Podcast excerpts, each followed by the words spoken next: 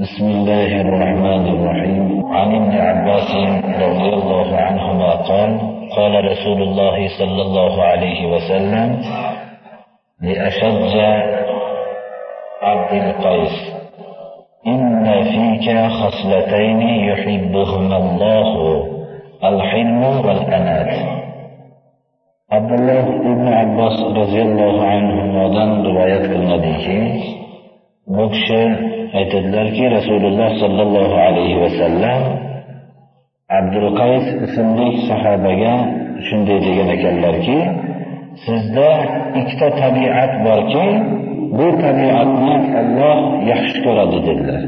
Bittasi halimlik yumshoqlik ikkinchisi shoshmaslik dedilar. بسم الله الرحمن الرحيم عن عائشة رضي الله عنها قالت قال رسول الله صلى الله عليه وسلم إن الله رفيق يحب الرفق في الأمر كله الله يعني رفيق رفق kelimasidan ya'ni muloyim bandalarga muomalasi muloyim. Shuning uchun ham butun bandalar osiy bo'lishlar bo'lishsalar ham alloh subhanahu va taolo ulardan shu osiy bo'lishligidan qisos olmaydi ularning xatolarini kechiradi. Shuning uchun bo'lsa kerak mana bandalar shunday yer yuzini ollohni rizqini yeb ollohni yerida turib tamomiy olamda ollohni aytganini qilmasdan yurgan odamlar ham shu yer yuzida ollohni rafiq ya'ni rifq muloyimligi bilan kun ko'rishyapti va ma'lum bir vaqtga borganda tavba qilolgandan keyin gunohlarni kechiryapti alloh oysha onamizdan yana bir hadis sharif shu hadisni mazmunida rivoyat qilingan ekanki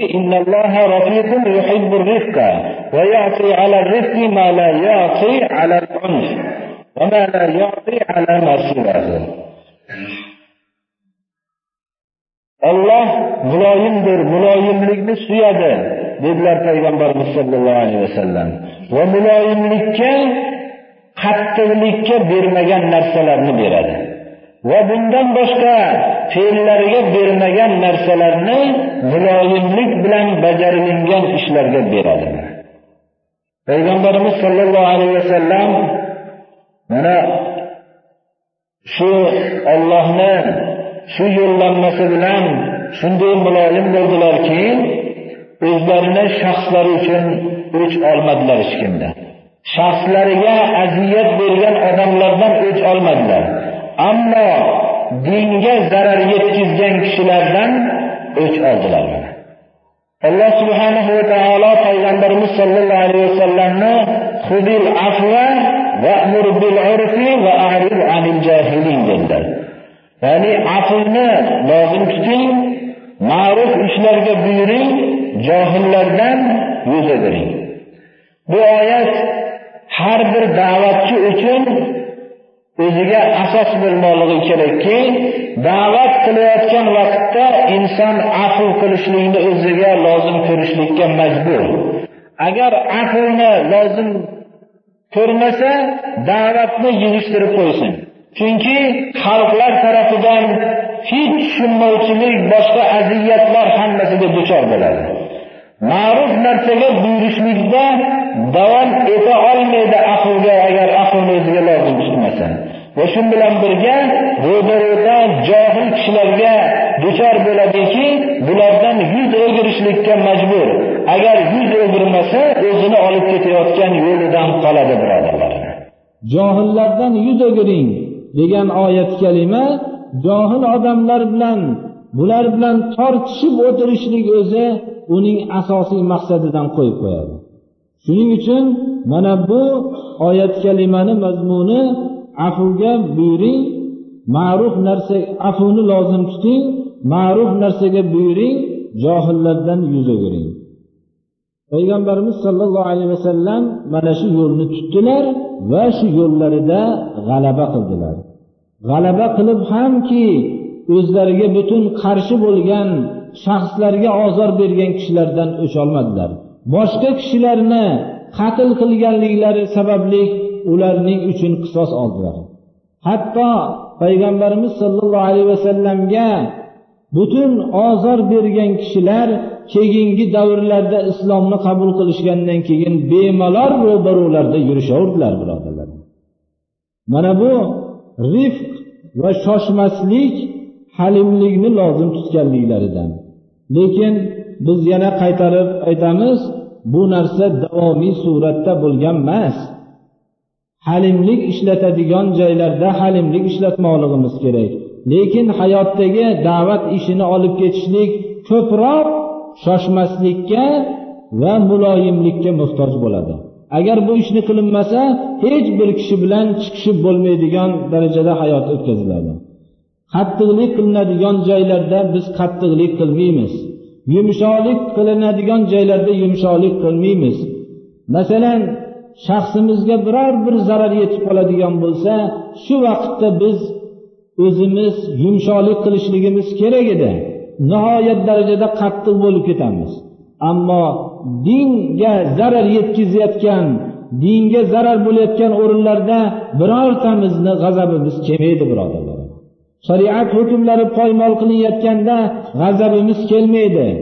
Harom narsalar o'zimizni atroflarimizda sodir bo'layotganda yeyilayotganda ichilayotganda bunga g'azabimiz kelmaydi. Ammo shaxsimizga bo'lganda g'azabimiz nihoyatda keladi. Shaxsimizga bo'lganda g'azab qilmasak ham bo'laveradi. Bunda halimlikni lozim tutsak yaxshi bo'ladi. Ammo biz shu narsadan ham halimlik qilinadigan o'rinlarda ham halimlik qilishlikni o'rganmayapmiz. Qattiqlik qilishlik kerak joylarda qattiqlik qilishlikni ham o'rganmayapmiz buni ham shunday xulqlarni alloh subhanahu va taolo har bir insonga o'zi bergan shu berilgan xulqlarda ham noto'g'ri foydalanyapmiz payg'ambarimiz sollallohu alayhi vasallam o'zlari agar shariati islomiya poymol qilinayotgan o'rinda nihoyatda qattiq edilar.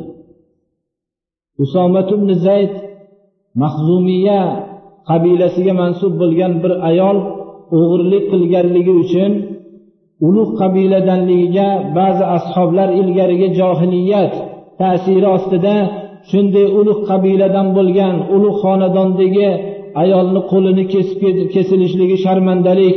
Buni bir rasululloh sollallohu alayhi vasallamni huzuriga borib bir iltimos qilsak bo'ladi. Kim boradi deyishdilar.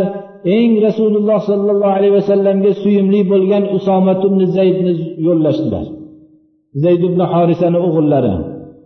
Bu kishi bordilar borib yo rasululloh shu mahzumiya qabilasiga mansub bo'lgan ayol o'g'irlik qilgan ekan. Ulug' xonadondan bo'lganligi uchun qo'li kesilsa sharmandalik bo'ladi deganlarida payg'ambarimiz sollallohu alayhi vasallam yer yuzidagi eng suyumli odam edilar usomat ibn zayd. Mabodo achchiqlanmasalar shu kishiga achchiqlanmasalar bo'lardilar shariatni hukmini poymol qilishlikka iltimosga kelganliklari uchun butun vujudlari g'azablandi. Ey usoma dedilar ollohni hukmida mendan iltimos qilib keldingmi dedilar. Agar muhammad alayhissalomning qizi fotima o'g'irlik qilsa qo'lini kesaman dedilar.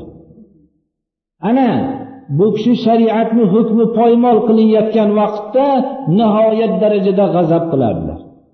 Ammo o'zlarini jasadlariga ozor bergan butun u kishini masxara qilgan u kishini qatl qilishlikka suiqasd qilishib umrlarini o'tkazgan kishilar islomni qabul qilib kelishganlarida hammalarini kechirdilar.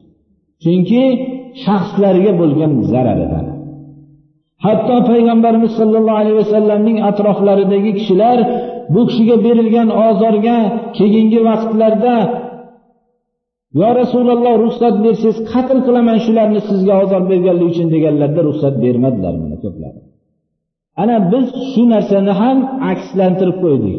Agar bir odam nafsimizga tegadigan biror so'zni aytsa umrbod adovat qilyapmiz birodarlar.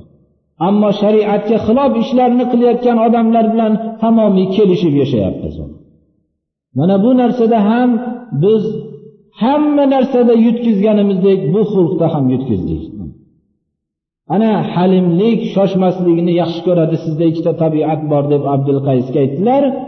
Bu narsa shuni ko'rsatadiki shariat ishlarida emas ya'ni balki shaxsga tegadigan gaplarda shoshmaslik halimlikni lozim tutishlik yaxshi bo'ladi har bir da'vatchi uchun omin duo qilaylik.